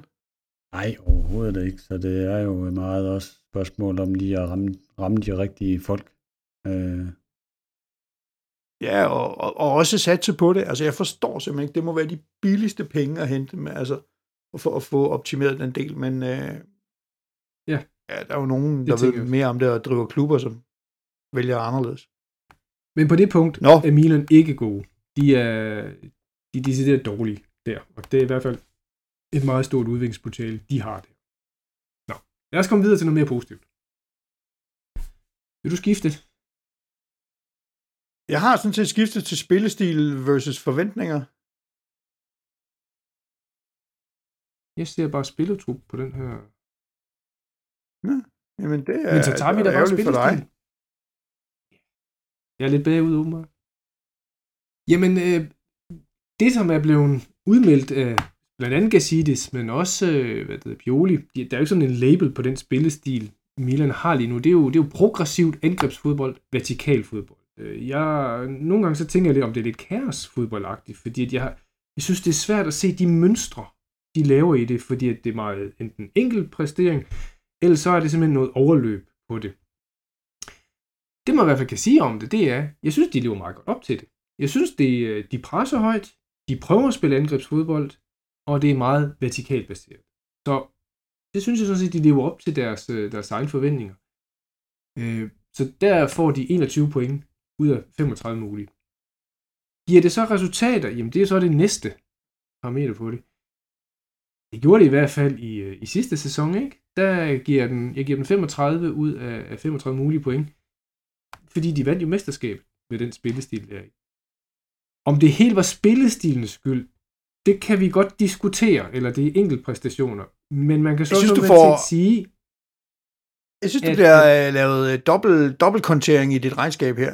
Du får 35 point, og du har tidligere fået 50 eller 75 for det mesterskab. Mm. Uh, der, Men det her, det, er jo en under, det her det er, jo, det er jo en underliggende konto, der siger, hvordan er det, det er kommet deroppe. Ikke? Det er jo blandt andet kommet ved, at man har en spillestil, der har præsteret et resultat. Men spillede vi ikke også i Europa? Ikke i Europa, nej. Det er rigtigt. Der, øh, der, der, der er den ikke god nok. Der, der, der er de simpelthen for, for løst organiseret, hvis I spørger mig om det, fordi der er de simpelthen for nemme at blive overspillet på. Der er de ikke gode nok til at holde deres, deres hierarki og deres struktur, og deres individuelle præstationer er pt. ikke gode nok til at overliste de andres organisation. Så der har de nogle nej, nej, så går det bare hurtigere, ikke? når man møder nogle af de hold, der har... Øh... Fysisk er de andre også øh, måske øh, nogle gange lidt, øh, lidt over og, og skubber lidt hårdere, end de er vant til. Det må man sige. Fint. Ja. Nu er jeg kommet til faciliteter. Ja, og der er der sådan lidt en... Øh, et fancy ord, en dualitet. Hvis vi starter med stadion. Øh, San Siro. Ja, yeah man kan jo næsten ikke sige ordet uden at blive tårkvælt og synes, det er skide smukt og det. Det fungerer jo egentlig. Men det fungerer sgu ikke godt. De øh, kan jo smide øh, næsten 75.000 mennesker ind og øh, få en god indtægt og få en god kulisse der. Men det er jo noget gammelt lort. Og det er, jeg har et billede af et toilet der, ikke? som viser, at man står op og tisser og skider. Øhm, og det giver jo ret lidt i indtægter. Nu så jeg lige en opgørelse over, at de betaler jo det er kun stadiondel på den. Der betaler øh, både øh, Milan og Inter cirka 8 millioner euro om året i leje på det lige cirka delt 4-4 mellem begge klubber. Og de har indtægter på stadiondelen, altså stadion tours og museum der, på lidt over 8 millioner. 8,9 mener. Så et lille overskud på 900.000. Det er jo ingenting. det er jo, det er jo ingenting. Altså, de, de skal jo videre til øh, La Catedrale der, ikke? De skal jo videre til Nuvestad, hvor det kan generere hele området. Thomas, du kan tallene bedre end mig, men hvad snakker vi om? 60-70 millioner per klub, ikke? Det er det. Bare, bare sådan, det, det er det nabolag, ikke? Ja, i det lag. Ja. I det nabolag, ikke til det. Plus at få et stadion, der, der har med moderne faciliteter på det. Øh, man sidder sagt med tæt på Santiago. Man kommer virkelig hinanden ved. Og der er virkelig ikke meget benplads. Øh, og der er flere ting i det, som, som gør, at, at klubben har et stadion, der fungerer. Ja, de trænger så meget til et nyt stadion. Så den er sådan lidt... Der er jo både det med, at man har et stadion, der fungerer som sådan, men der er jo også det helt store problem, at man ikke selv ejer det. Altså, Præcis. så du har ikke indtægterne, du har ikke muligheden for at øh, lave kommersielle aktiviteter, du har ikke mulighed for VIP-bokse, du har ikke mulighed for at have rockkoncerter midt på ugen, du har ikke mulighed for at bygge faciliteter hele vejen rundt om, fordi det er kommunen, der ejer det. Så indtægterne, altså matchday-indtægterne og i hele taget stadion og stadion surroundings er jo absurd lave for, øh, for Milan og Inter. Ja. I forhold til hvilken type klubber det er, og hvor mange mennesker der kommer der, ikke? Enig. Plus, du nævnte selv ordet skyboxes. Det kan godt være, at vi ikke kan lide det som fans, at der kommer masser af corporate sponsors ind der, men det er vidderligt det, der genererer kæmpe indtægter, øh, hvis der kommer sådan nogle skyboxes ind på. Og en anden ting i den, det er også, i dag, da San Siro er jo stort set ligger øde hen i, øh, i ugens øh, hverdage, øh, indtil der kommer kamp, så er der meget liv. Det man snakker om med et nyt stadion, det er jo et sted, hvor der er liv, og der er business syv dage om ugen hvor der simpelthen sker noget, og der kan være shopper det på det. Det kan måske genere nogens øh, fodboldromantiske hjerte, men det er det, der skal til for det. Altså man kan jo kigge på nogle af de engelske klubber, man kan kigge på Bayern München. Der er gang i, i det stadion, der er syv der om ugen, mere eller mindre, med øh, forretninger og restauranter og alt muligt andet. Og det, det er bare en rigtig god indtægtskilde, og det er samtidig en god oplevelse for det. Så det er den, det er den vej, det bærer hen imod på det det er et af de parametre, som, som, hvor, hvor Milan kan, kan virkelig, øh, virkelig tage et hop på deres indtægtskurve. Ikke? Uh, nu kan jeg godt huske, at vi havde en udsendelse på et tidspunkt, hvor Thomas tydeligvis var på kokain eller et eller andet med de der uh, tal, han uh, langede ud omkring nye stadions, men, men vi taler jo i hvert fald tæt på 100 millioner i indtægtspotentiale. Uh, og så kan det være, at Thomas mener, at det er dobbelt så højt, men, men, men det er ikke urealistisk at tjene 100 millioner euro om året på at eje sit eget stadion, på at øh, drive det professionelt, på at have andre aktiviteter, på at have omkringliggende faciliteter og hoteller og jeg ved ikke hvad. Øh, og, øh, og nu har vi lige gennemgået resultaterne, ikke? Altså, hvis Milan ligger på, på 300.000 eller 300 millioner i indtægter, så betyder 100 millioner altså vildt meget. Ikke? Ja. Det svarer til at vinde Champions League. Bare hver eneste år. Præcis. Og så er de jo ret tæt på de 500 derfra, hvis de lige pludselig bare får 100 millioner herfra, ikke? Øh, ja, ja. Men vi kender jo derfor, alle italienske er... byråkrati. Man kan jo ikke øh, åbne Twitter, uden at der er en Milan eller en Inter-supporter, der tuder over dagens udvikling i omkring øh, at få et nyt stadion. Må I snart... Ja, skulle der også en, øh, skulle også en lidelseshistorie i en anden verden, ikke? Jo, det, det kommer en julegave. Kommer der en julekalender? Oh, kommer allerede her. Det er jul, det er jo dejligt. ja. God julegave. Hvis vi hopper videre under faciliteter, så er der jo selvfølgelig øh, det, som alle klubber har, det er, det er træningscenter. Milanello, øh, det giver 24 point ud af, ud af 30. Og øh, nu har jeg jo lige nævnt det der med skadebehandling yeah. før. Jeg, jeg tror ikke, det, det er på faciliteter, de mangler noget. Jeg tror ikke på, det er teknologi, de mangler noget, fordi der har de jo alt state of the art dernede. Det, det er den menneskelige analysering, eller hvad skal jeg sige, og dosering af det et eller andet sted, det er noget finfølelse, de mangler der. De mangler know-how på det. Fordi på facilitetsdelen, så er det helt, helt up to date øh, med, med de gør der. Det kan da godt være, at City eller Bayern har noget, der, der eller Vincenzo har et eller andet, der, der er endnu bedre der, ikke? Men, men, men, men er ikke det der, de går ned på det.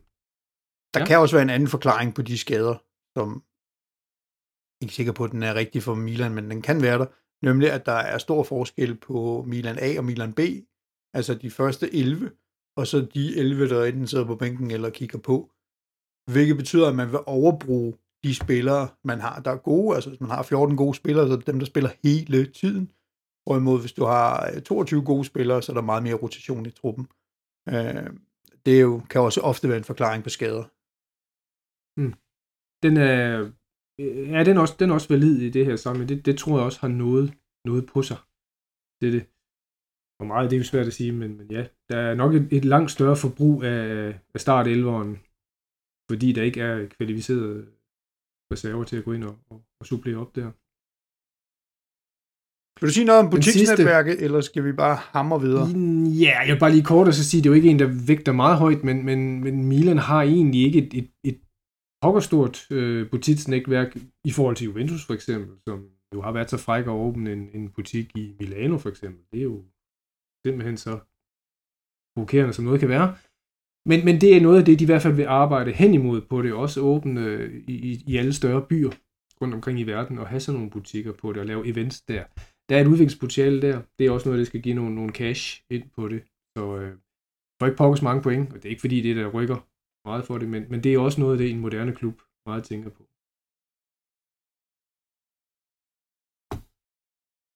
Der er vi lidt faciliteter. Til og med pressen står der. Ja, nå, det, ja, den skulle egentlig hedde kommunikation. Det er en dårlig overskrift. Og øh, det er, må jeg herlig indsyne, det er jo, det er jo en fornemmelse af, hvordan er det egentlig, den, den har en, en omdømme i den måde, den kommunikerer med omverdenen på, herunder pressen. Jeg, igen har jeg prøvet at kigge sådan igennem de artikler, og, og, og ned igennem, hvordan Milan har, har ytret sig ud af det.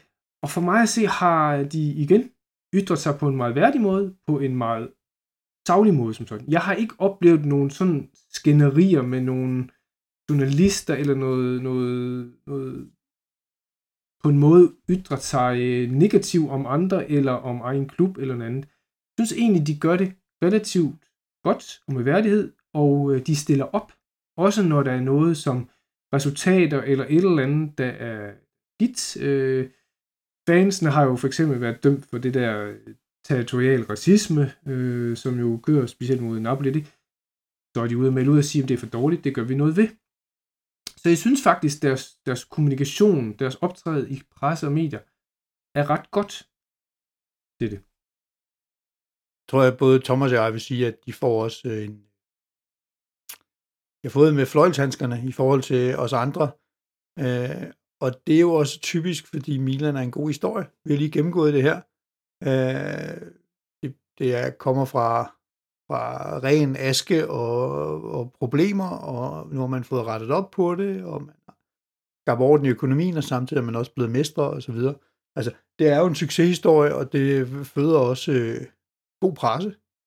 Og så venter vi bare på, at, øh, at I får med, med, med intergrovfilen på et tidspunkt. Thomas mener jo, at han er udsat for et dagligt justitsmor. De får øh, Maldini af behandlingen lige i øjeblikket. Det er den italienske kronprins, det er med fløjlshandskeren, de får. Så øh, nu hvis de ikke vinder mesterskabet, så, får, så må de jo stå der i struben med den til sommer jo. Det tror jeg, I har ret i. Det tror jeg faktisk, I har ret i. Der, der er lidt, øh, der er lidt hvedebrødsdage stadigvæk over det, og på et tidspunkt så bliver det hverdag, hvor, hvor forventninger skal indfries. Jo jo, men, men, men man, de kan jo ikke gøre det. Jeg er sådan set enig, at de kan ikke gøre det meget bedre, end de kan, og de kan jo ikke øh, forsvare sig mod utidig kritik, hvis der ikke er nogen utidig kritik osv., så, videre, så, så synes jeg jo egentlig, at det fungerer øh, meget fint. Øh, ja. men, men jeg siger bare, på et eller andet tidspunkt, så bliver det sværere at være Milan. Øh, ja. Og så skal der mere en, en, en, øh, en, en, en flot hår og Maldini efternavn til at komme igennem stormen. Det er nok meget. Og de to andre parametre, det er, hvordan kommunikerer klubben via de sociale medier og, og via egen egne øh, produktioner øh, via de sociale medier. Jeg synes, de gør det fint. De gør, hvad man kan forvente. Øh, de får 24 ud af 30. Jeg synes heller ikke, de er oppe at ringe. Øh, jeg synes faktisk, hvis jeg skal sige, så synes jeg, Roma gør det superb godt. Eller gjorde det i hvert fald, da de havde ja. en, en engelsk øh, SoMe-chef. Jeg synes, det blev lidt øh, slapt derefter. Men gør, hvad de skal og vi har egne produktioner. Jeg tror, det bliver mere og mere af den slags, og det tror jeg sådan set også, det bliver for jeres klubber, hvor man producerer mere selv egen content og sender det ud, selvfølgelig mod betaling. Jeg har ikke selv fulgt det endnu. Så jeg kan har I sådan et uh, Milan TV? Ja, det er det. Der er de der Milan Studios, som, som producerer nogle nyheds... Uh, ja. indslag med, med klubber, og, eller med, med spillere og trænere. Altså jeg vil det, sige, at øh, Juventus har også øh, JTV eller Juventus TV og så videre, øh, og, og producerer en hel masse. Jeg vil sige, jeg synes egentlig, rigtig mange af de her fodboldklubber er vanvittigt dårlige på social media. Hvis jeg havde sådan noget content i, øh, øh, fagligt, altså, så ville jeg da være utrolig meget bedre til at udnytte det og lægge det ud og tænke sig, at der kommer egentlig lidt hist og pist ind imellem, men det er ikke, ikke sådan en super interessant Instagram-profil eller super interessant Twitter-profil, som de her fodboldklubber har. Når man tænker på, hvad de har altså af enestående content. De kan gå bagom, de kan tale med spillerne, de kan vise sjov ballade, de kan vise... Altså, man kunne lave 1000 timers fedt tv fra, fra de der klubber. Det gælder også alle tre klubber og alle de andre klubber. De gør det bare ikke. Jeg fatter det ikke. Jeg tror også bare, at der er nogle sportslige ledelser, der står og siger om, øh, der gerne vil skærme de spillere der, at de ikke skal bruges hele tiden til det. Jeg tror, det er et ret stort puslespil. Jeg tror faktisk, var det Kasper Stylsvig, der var noget med en gang, Brian, hvor han fortalte om det der med, hvordan de ligesom arbejdede med hinanden i forhold til, hvornår kan vi bruge de spillere, og hvornår skal vi give nogle spillere en pause og alt sådan noget, fordi jo. mange gange vil det jo være de samme 5-6 spillere, der skal være på, for at de kan lave noget content, der virkelig rykker. Jo, jo, ja, det er jo klart, altså, at Theo Hernandez er jo, er jo mere interessant end øh, Jungdal, for eksempel, danskeren, ikke? Altså, det er jo klart, der, der skal jo et eller andet rum. Men jeg kan godt følge dig, Ulrik, fordi man behøver selv ikke kun køre content på, på, på, på en spiller eller noget. Man kunne jo godt køre Milanello for eksempel, ikke? komme med bagved, hvordan ser det ud derude, og hvordan, altså, der er jo masser af gode, interessante ting, der kunne lave sådan en fed historie på, hvis du bliver vinklet. Og, ja. Følge fans, der er på stadion, følge fans, der er på rundtur, øh, bare filme træningen og vise nogle klip derfra og sådan noget. Altså, eller, øh, du kunne lave en 24 timers tv-kanal på det der, øh, uden de helt mm. store problemer, men de gør det ikke, og det, og det øh, der tror jeg, at de er nødt til at, at blive bedre, meget bedre. Ja, enig. Men det tror jeg så også, de er relativt klar over, fordi det er jo for få, relativt få penge, kan man nå en enorm stor skare med en, en rigtig god platform. Jeg tror også, der, der kommer mere på den, øh, den konto der fremadrettet. Fornemt. Den, øh, den sidste del, det er fansene. Det er jo en uundværlig del af, af alle klubber. Det ved vi jo. Det er vi jo netop. Og øh, der har jeg sådan tre parametre. Den ene, det er god støtte og opbakning. Altså bakker fansen op, og det er jo, når jeg siger fans, så er det jo primært kurværende som sådan. Ikke? Er, der, er der en rimelig øh, opbakning, når de kommer? Altså er der fyldt stadion og, og, og det på det? Og der må man jo sige, at for, for Milans vedkommende, så er der jo der er ikke helt udsolgt i, øh, i 21-22, men det er jo tæt på, hvad kan være. Så, øh, så de møder op, og øh, de bakker op og øh, med, med deres koreografier, tifos og det de er jo, synes jeg, i Milan, og en af grunden til, at jeg er Milan-fan, det er jo, at, at et, et, at gå til fodbold på San Siro er ikke en fodboldkamp, det er totalt drama, og det er fansene i høj grad med til at lave. Øh, det er, jeg ser mange gange lige så meget på fansene, som jeg ser på fodboldkampen, når jeg er dernede. Og hvis der ikke er tre kanonslag, så er det ikke en god, god fodboldkamp. Og, og det, er en, det er en del af den her fortælling på det. Og, øh, de, de får 25 point ud af, ud af 25, for jeg synes, de kommer tilbage, og de viser, hvad de kan. Opfører de sig så ordentligt? Fordi det smitter også af på en klub. Hvordan er det omdømme, og hvad gør man der? Ja, det gør de jo langt hen ad vejen, men der er jo de der sådan, øh, territoriale racisme ting er til på det, de får. Og, øh, det tæller ikke, hvis det er mod Napoli. Hvis det er mod Napoli, så, så mener jeg ikke, at man skal trækkes ned af det. Heller ikke, hvis det er mod Roma. Roma er det ikke en Napoli light. Det var også Syditalien. det er det. De, øh, de får jo de får jo så nogen der, og jeg skal ikke sidde her og, og, og gøre mig til overdommer på, hvad man, man råber og ikke må råbe. Der er jo sikkert en grund til, at de er det der, men jeg synes jo, at det er måske den lette afdeling. Ikke desto mindre bliver de jo dømt for det. Den sidste del, som jeg faktisk synes er, mest interessante, hvordan bakker fansen op omkring klubben, og klubben, ikke, ikke holdet på stadion, men generelt klubben og dens udvikling og de, de ting, de gør. Jamen, jeg sådan prøver at, at kigge lidt på, det er jo primært Kurva Syd, som jo er, er et eller andet sted øh, uofficielt talsrør for stadion som politik, så synes jeg jo, at de langt hen ad vejen har øh, bakket rigtig godt om den måde, klubben drives på og går videre på. Og et af eksemplerne, som jeg bare lige satte et billede af her, det er, at da Ivan Gassidis han sagde farvel her i, øh, i, i november til øh, ved den sidste øh, hjemmekamp, så, øh, så blev der jo simpelthen lavet en, øh, en, en hvad det hedder, hvad hedder sådan noget, et banner, hvor der simpelthen siger good luck, og øh, et taknemmeligt banner, at han er et, et, et, en, en særligt menneske, en, et specielt menneske, og de faktisk værdsætter den indsats, han har lavet.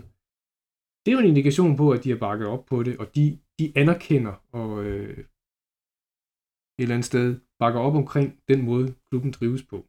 Så der er jo en eller anden form for synergi og samhørighed mellem klub og fans pt. i, øh, i Milan. Så det får de så Jeg glæder mig til at se, øh, når vi starter i januar, om der kommer et tilsvarende banner på, øh, på J Stadium. Danieli. Præcis. Det er jo en god sammenligning. Hvor, hvor vil man kunne forvente? Vil du kunne forvente sådan en der i, øh, hvad det hedder, øh, ved Ed Woodward i, i Manchester United? Nej, nok ikke. Øh, vil man kunne forvente det i, i Bayern München? Det, det ved jeg ikke. Vil man kunne forvente det i, i Bayern, eller der i, i Barcelona? Måske ikke. Så, så der er godt i noget i gang, men det er også klart, altså, I har jo også selv været det, der, er, der er lidt hvedebrødsdag i det, vi er i gang med det.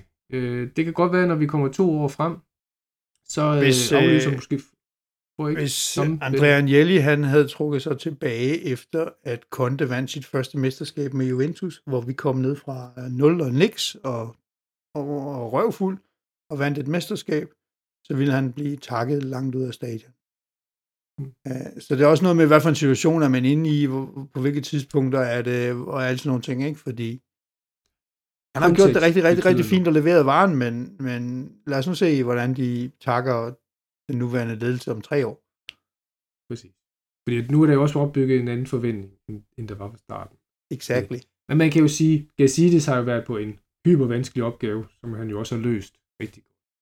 Og det kvitterer fansene jo så også med det her. Enig. Så har vi været igennem det.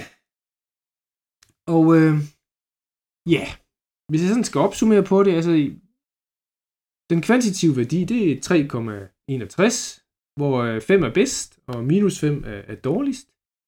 Og jeg synes, at Milan er i særdeles god form, og øh, jeg synes, de øh, er inde i en rigtig god, det der Vitorios øh, cyklus, hvor sportslige resultat, eller intern ro, gode beslutninger, de giver gode sportslige resultater, det giver god økonomi, som igen bliver selvforstærkende. Øhm, jeg tror på, at de kommer til at udvikle sig positivt i de fremadrettede, øh, eller de, de, de kommende år. Men klubben har også en hel del områder, hvor de godt kan udvikle sig på, hvor de er bagud på andre klubber. Tror jeg også, de selv er klar over. Jeg siger ikke noget her, de ikke, de ikke selv ved dernede, så øh, det arbejder de videre på. Der, der er lang tid inden klubben kommer op og, og kan bide med de store i, øh, i Europa, men, men de er godt på vej. ja, godt på vej, måske. Der, der er i hvert fald ikke nogen tvivl om, at, og det har vi jo lige snakket om, eller jeg vil sige to ting. For det første, at øh, om det lige er 3,61, eller det er 3,0, eller noget af den stil, det, er, det synes jeg ikke er så afgørende. Man kan jo altså selv diskutere alle de ting, vi lige har været igennem. Og der er jo en tvivl om, at Milan er en positiv, positiv periode. Også fordi man kommer fra ren lort. Øh, men, men der er blevet kommet styr på økonomien, der er blevet styr på spillerne, og øh, man står med en relativt god trup nu, eller vi har lige diskuteret det, men der, der, der, det er jo trods alt en relativt god trup, og trods alt god nok til at vinde mesterskabet sidste år. Så slut på det. Men jeg ser en kæmpe afstand til for eksempel toppen af Europa. Øh, og jeg ser en, en, en, en, en væksthastighed i Milan, som øh, betyder, at de om tre år, selvom Milan, selvom Milan opfylder alle deres øh, alle deres planer og så videre, og vækster i det her tempo, så vil de om tre år være længere væk fra toppen af Europa, end de er i dag. Fordi væksten går hurtigere de andre steder. Og det er en af de ting, som er italiensk fodbolds kæmpe store problem, at man kan godt lave en, en Milan, og få styr på økonomien, og få styr på det, og måske også blive kompetitiv i, i Serie A, men du, du er irrelevant i Europa. Øh, og det, det er noget af det, der gør rigtig naller, altså. Men der skal noget andet til. Jamen, den, den er enig med dig i, at uh, en ting er, at Milan er godt på vej i deres hastighed, men, men det, det europæiske tog, det, det kører jo hurtigere, end, end det, der kan med på det. Og det er jo derfor, vi bliver vi kommer til at snakke om det mange Det der nye stadion, eller stadionområde, er så pokkers vigtigt på det som, som platform til at kan gå videre med det. Det er, ikke, det er ikke noget, der gør, at de nødvendigvis kommer til at indhente de andre europæiske klubber som sådan, men det bliver et, en platform, hvor de nye initiativer, det kan skydes af fra. Det, ikke? Og det, det, er, det er et must. Det er simpelthen bare et must på at kan gøre det. det, det. Så, så det, betyder noget at, at være lidt tålmodig med Milano Kommune, men øh, heller ikke mere tålmodig end at øh, lige udenfor, så er der en, øh, et stort fedt grund, som man også kan bygge på. Og det bliver, det bliver det næste skridt, de skal tage. Ja, altså der er blevet talt om det rigtig, rigtig, rigtig mange gange. Øh, det bliver ved og ved og ved og ved og ved og ved. Og tidsplanen må jo allerede være ved at... Thomas han har allerede brugt de der 250 millioner, han drømte om i sin kokainrus. Øh, og hvor meget han skulle have for, for at have stadion. Han har allerede brugt dem jo om, om to år, tre år. Det, det kan ikke blive... Det må snart øh, tage nogle spadestik, ikke? Men øh, hvad siger du, Thomas? Det lidt en solstråle historie her, fordi Milan også sammenligner sig selv med øh, et tidligere Milan, som måske ikke var specielt øh, glamourøst.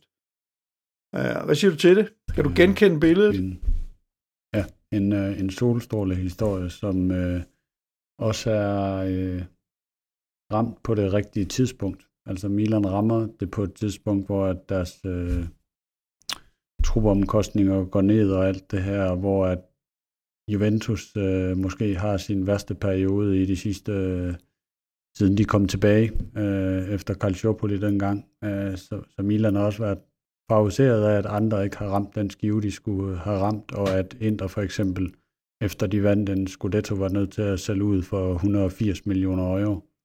Så, øh, så det er, øh, timing har været god for dem, øh, men jeg er spændt på, øh, jeg synes i Italien, der er Milan en ud af tre-fire klubber, øh, der kan vinde Serie A, hvor de tre-fire klubber, de stort set er på, på lige fod, sådan over et øh, bredt spektre. Jeg synes ikke, de skiller sig voldsomt ud fra, fra andre der. Øh, kan svinge lidt op og ned. Men øh, Milan har en økonomi, der gør, at de det hold, der er tættest på, og kan komme op på et niveau, øh, hvor man kan overholde øh, financial fair play, og hvor at man vil være den klub, der har den største øh, mulighed for at holde på deres spillere, øh, vil jeg våge at påstå. Og det der, du siger med, at øh, Ulrik, at øh, de øh, i europæisk kontekst, så om tre år, så kan man bare være længere væk, men i at man kommer længere væk, ja, økonomisk i forhold til England, så tror jeg bare, at der er en italienske klubber, der stadigvæk vil kunne lægge i og kunne spille med om at komme i kvartfinalerne i Europa og gå, gå videre fra gruppespil og komme op til nogle kvartfinaler i det niveau der, hvis man bare er i stand til at holde på sine spillere over en lang periode. Og der tror jeg, at Milan er, er længst frem lige i øjeblikket blandt de italienske. Ja, altså alle, alle klubber kan jo ramme sådan en gylden, øh, en gylden årgang eller to, øh, en, en eller Atalanta, øh, som jo også spillede, var det nærmest semifinaler eller noget, lige på, lige på næppe til semifinaler øh, i den der underlige Champions League corona-år. Men, men det jeg dømmer en klub på, det er, om de er deroppe. Altså, er man i top, top 6, top 8 hver eneste år. Øh, det er Manchester City, det er Real Madrid, det er Bayern München. De der klubber, dem, øh, dem, øh, dem sakker vi bare lige så langsomt bagud i forhold til, så kommer PSG ind, kommer, kommer Barcelona tilbage, kommer nogle af de her underlige øh, engelske klubber. Arsenal ser ud til at være rigtig godt kørende lige nu, og så videre, ikke? men det, det, ah. jeg ved godt, det er, det er trist at snakke om, men jeg, jeg ser bare ikke nogen europæisk fremtid for, for, for øh, hverken Milan eller nogen af de andre klubber her. Man bliver en regional øh, konge. Øhm, og øh, og det, det kan også være det fint. Så skal vi tilbage og koncentrere os meget mere om CA og så få lov at være med en gang om året for at tjene de der 80 millioner på lige at gå videre og stikke næsen ind i kvartfinalerne, ikke? Men det, jeg ser heller ikke mere, end at de, kommer, øh, de kan komme videre fra gruppespil, øh, og de kan komme ind i de der 8. og så maks en kvartfinale. Øh, og så er man jo også bare stadigvæk har nogle koefficientpoint på en UEFA-rangliste, hvor man er rimelig afhængig af, at komme ind i sidningslag 1 og 2. Hvis Milan ikke vinder et mesterskab, så tror jeg ikke, deres koefficient er højere, end at så ender de i den der gruppe 3 igen, og så kan man lige pludselig ramme skidt lodtrækning et år, og så ikke gå videre. Øh, Inter, det er femte år i træk, de nu spiller i Champions League, og hvad er det, de har bevæget sig på fem år i Europa? De har bevæget sig fra at ryge ud af gruppespillet til lige at komme videre for første gang sidste år fra gruppen, og så gjort det igen nu her. Så det er over fem år, hvor det tager så lang tid. Jeg tror, at altså, de der italienske klubber faktisk kan komme frem til de der kvart, semi og sådan noget, komme op i det niveau. Altså vi er 5-7 år fra det.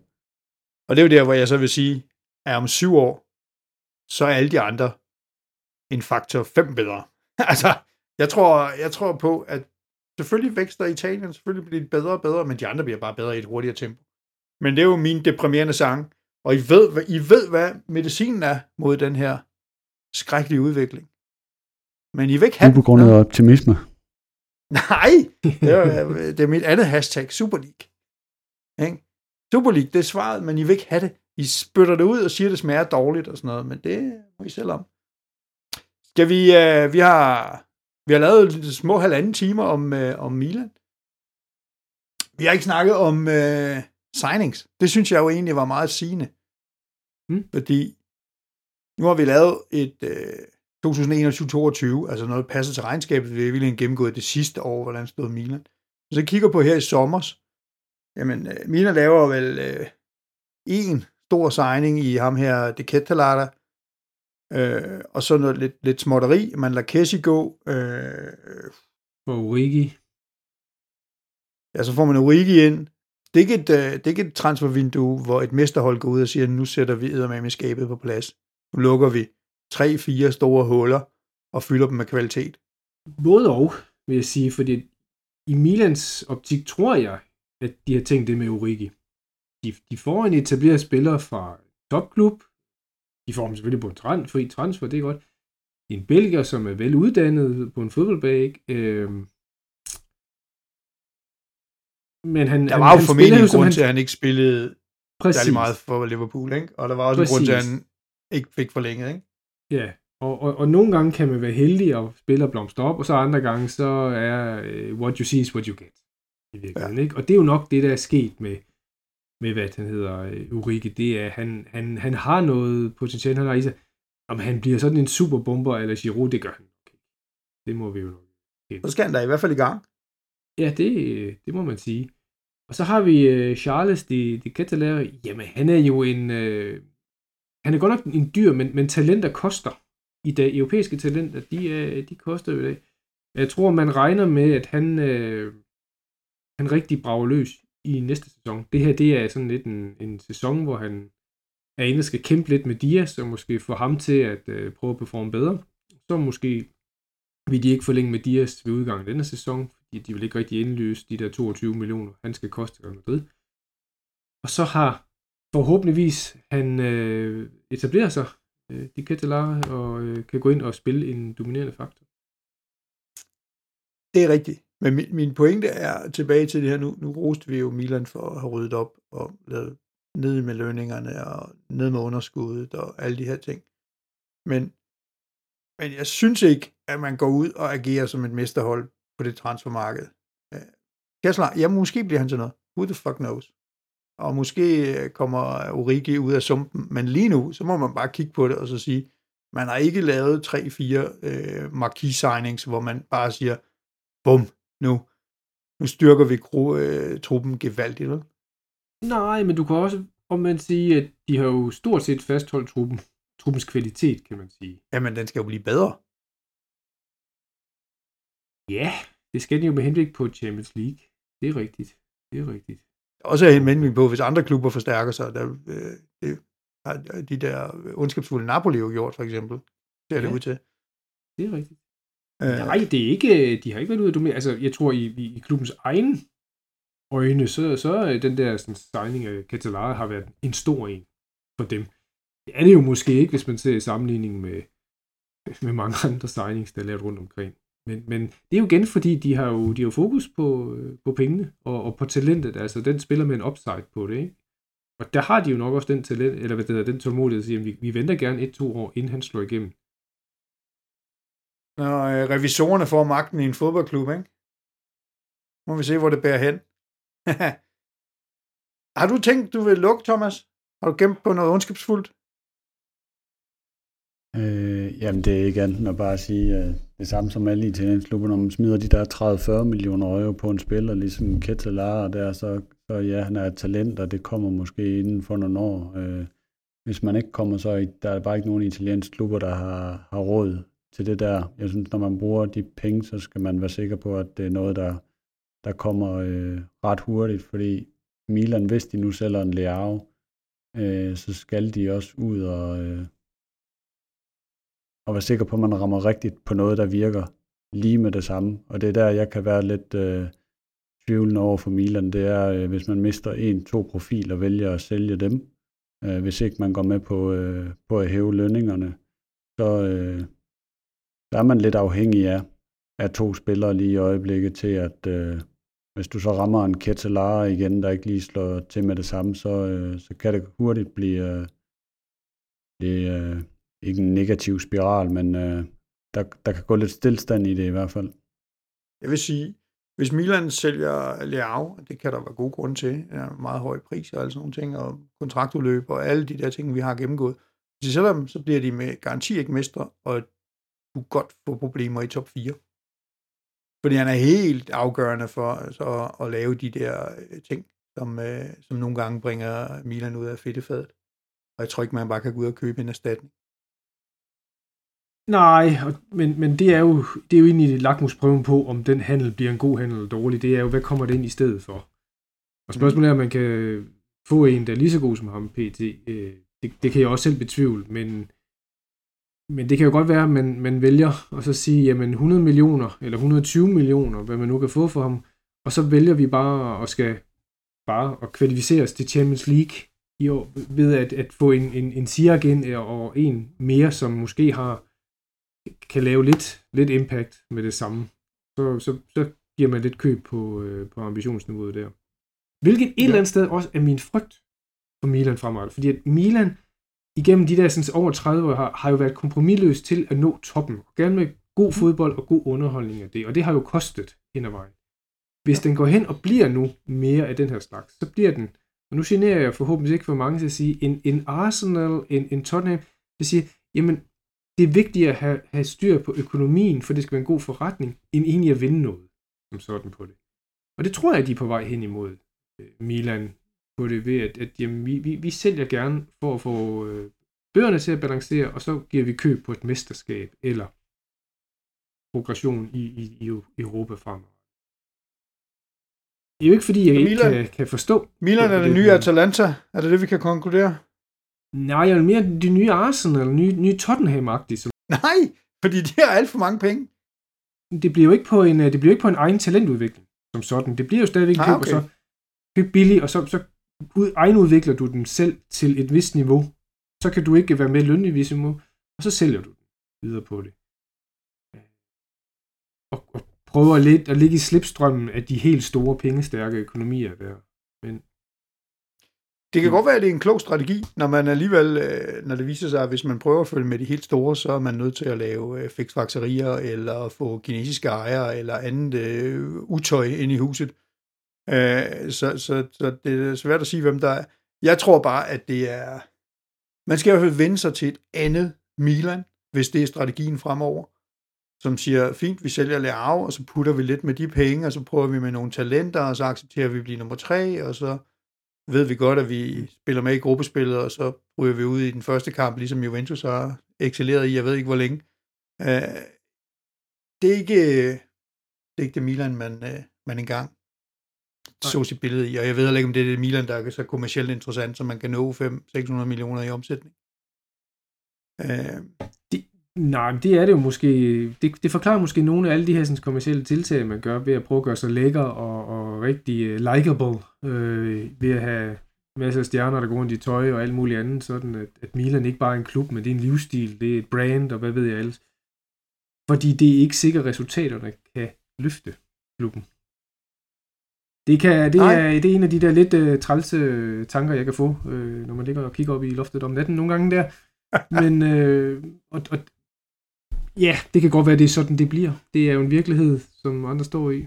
Så også, jeg synes, det, det var super interessant. Kæmpe arbejde for dig. Øh, selvfølgelig kan man diskutere vægtene og scoren. Alle de der ting kan man gøre, som man vil. Det er svært at diskutere, at Milan er på en positiv kurs i forhold til, hvor de har været.